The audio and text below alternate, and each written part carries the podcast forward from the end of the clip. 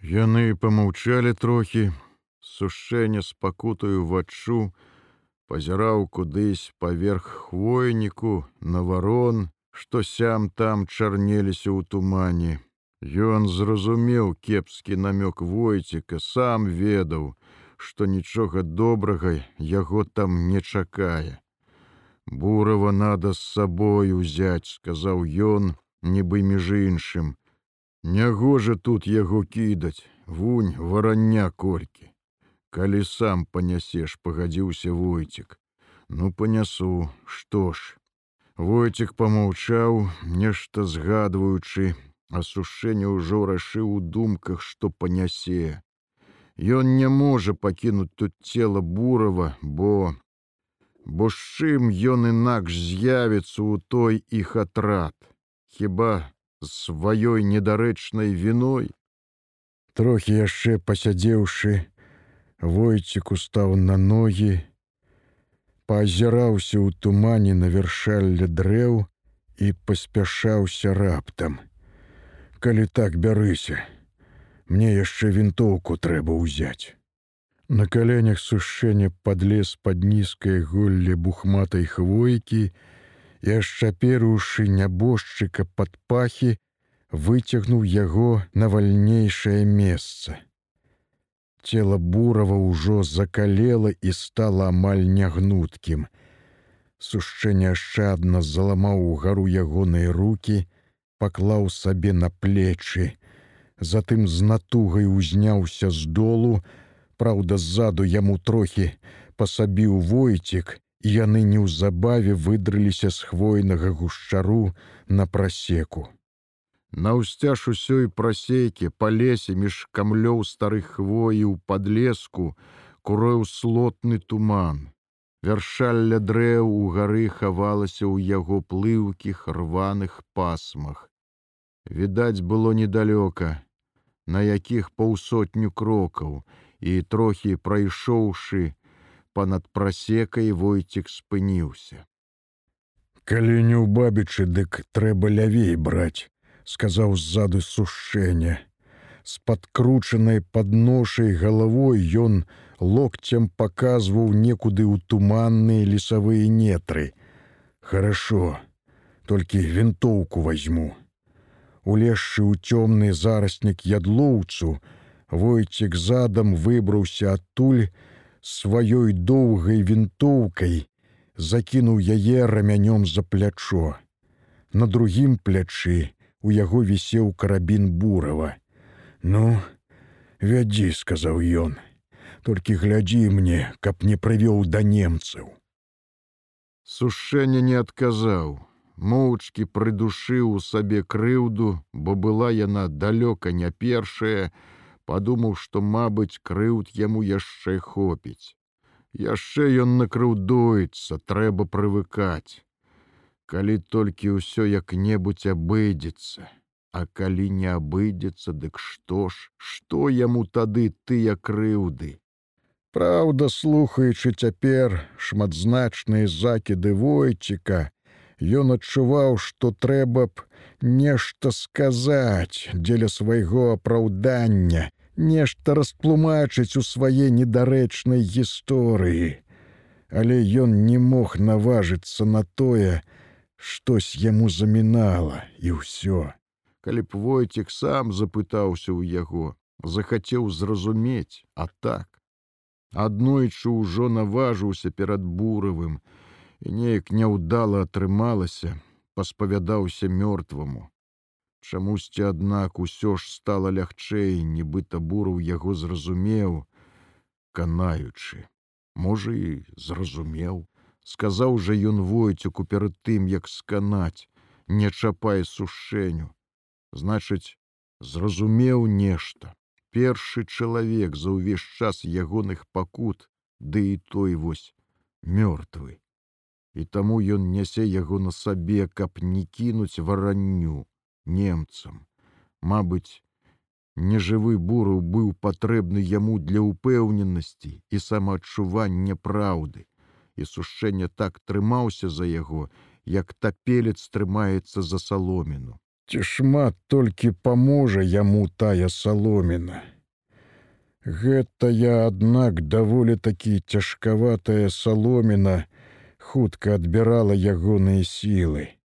Сушэнне пачаў часта спыняцца, папраўляць ношу, бы прачуваючы недарэчнасць яго намаганняў, нябожчык ацяжэла імкнуўся долу, туды, да чаго ён ужо належаў з учарашняга надвячорка, і куды яго не пускаў гэты былы аднавязковец. Яны доўга брылі так па залкатуманным лесе, а тут жа надыхаючы яго густа спіртавым водарам. Абсыпаны ігліцаю долу бары быў мяккі і чысты, ісці па ім было лёгка і нячутна. Верхавіны высачэнных хвой хаваліся ў нізкай туманнай навалачы, Неба амаль не было відаць. Рэдкі падлесак з парасніку бярэзніку, ядлоўцу і хвоек таксама ціха стаяў, акутаны клодчым туману.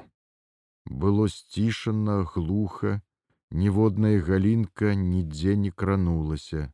Птушак чамусьці тут не было чуваць, толькі аднойчы ў гары пастукаў на сухадрэвені дзяцел і сціх.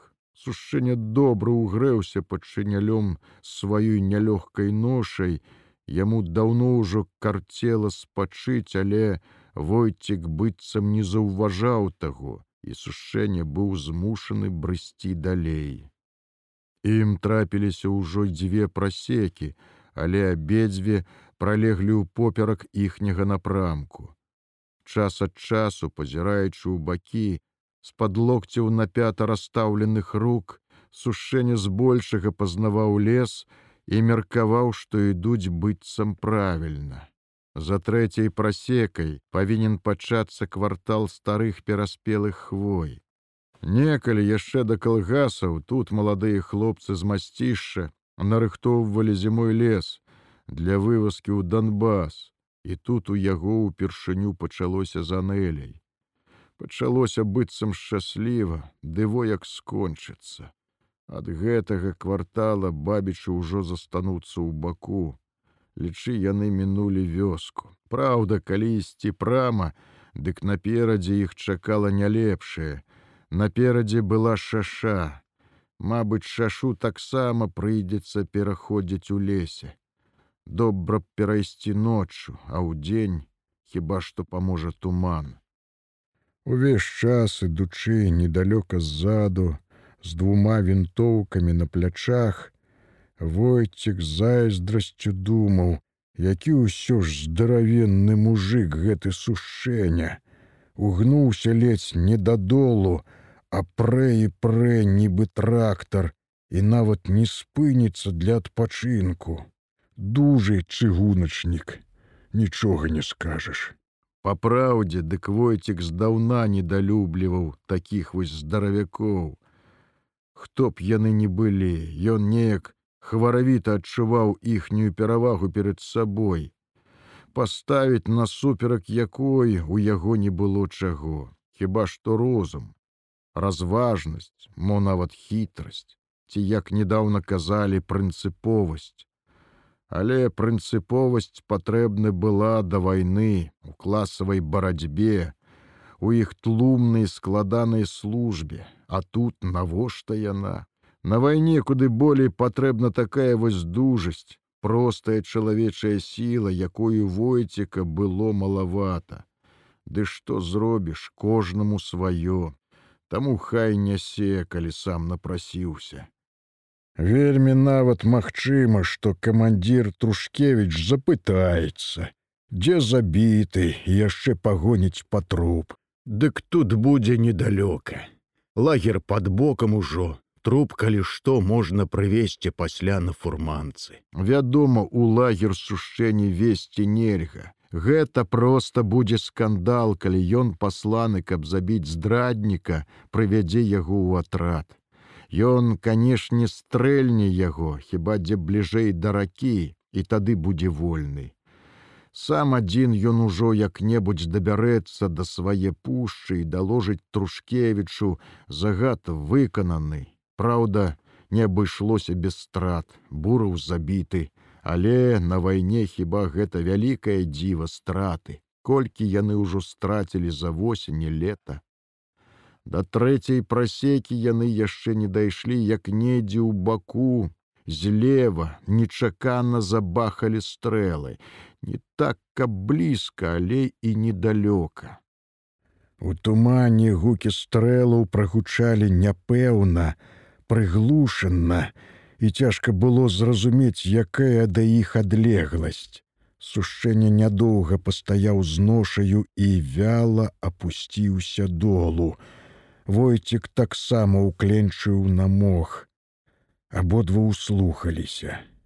Бахала мось десятак ці болей вінтовак, туманныя нетры лесу выразна даносілі кароткія безводгулля стрэлы, якія туга аддаваліся ў паветры, бы выбітыя з бутэлькі коркі.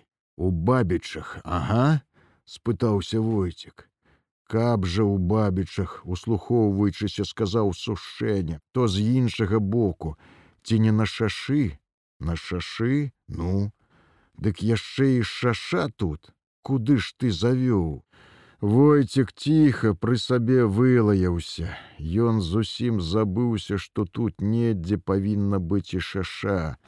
Пра шашу ён і не падумаў нават. А куды ж яшчэ весці з ціхаю крыўдай зазначыў сушэння. Вы ж кажаце у бабічах немцы ну немцы значыць толькі сюды цераз шашу але мабыць сапраўды цераз шашу інакшай дарогі ў пушчу няма. Можа упершыню войцік падумаў што сушэнне трапіўся яму дарэчы што без яго ён зноў заблудзіў бы ў гэтым чортавым лесе. А заблудзіўшы нядоўга налезці наражоны развітацца з жыццём Гэты хоць ведае мясцовасці, можа яшчэ выведзе як да сваіх. Оось калі б ён быў свой чэсны мужик, а не здраднік. Але б каб быў свой, а не здраднік, дык пэўна, тут не было б чаго швендацца і войціку, і мусіць бы, бураў не ляжаў цяпер на вогла ім шарыне, задраўшы ў гару падбароддзе. Каб быў не здраднік, Горш, што ён яшчэ і з наганам, думае, мабыць, што войцік забыўся пра той наган бурава і не адбярэ яго назад, але трэба адабраць. Калі можа не тут, каб не абвастраць адносін, дык ужо за шашой трэба адабраць. Усё ж здраднік, якіх цяпер у вайну развялося нямала. Адны імі сталі захвотай, з нейкай для сябе карысцю, іншыя па безвыходнасці праз страх баючыся за жыццё за дзяцей і сям'ю. Але тое не мяняе нічога па сутнасці. Здраднік ёсць здраднік. Не глядзі што который прыкідваецца смірным і нават гатовы навязаць табе шкадаванне а затым а затым ношу спіну кулю ў патыліцу. Хто ведае што ў яго ў галаве ў гэтага сушэння чаму яго там навучылі ў паліцыі. Калі пабываў ужо ў іх кіпцюрах, дык добрага не чакай, Мабыць, завербавалі, прымусілі ці ўгаварылі і далі заданне. Інакш бы жывога не выпусцілі. Войцюк ужо разумее, яго не ашукаеш. Што колечы пабачыў за жыццё, чаму нічаму навучыўся.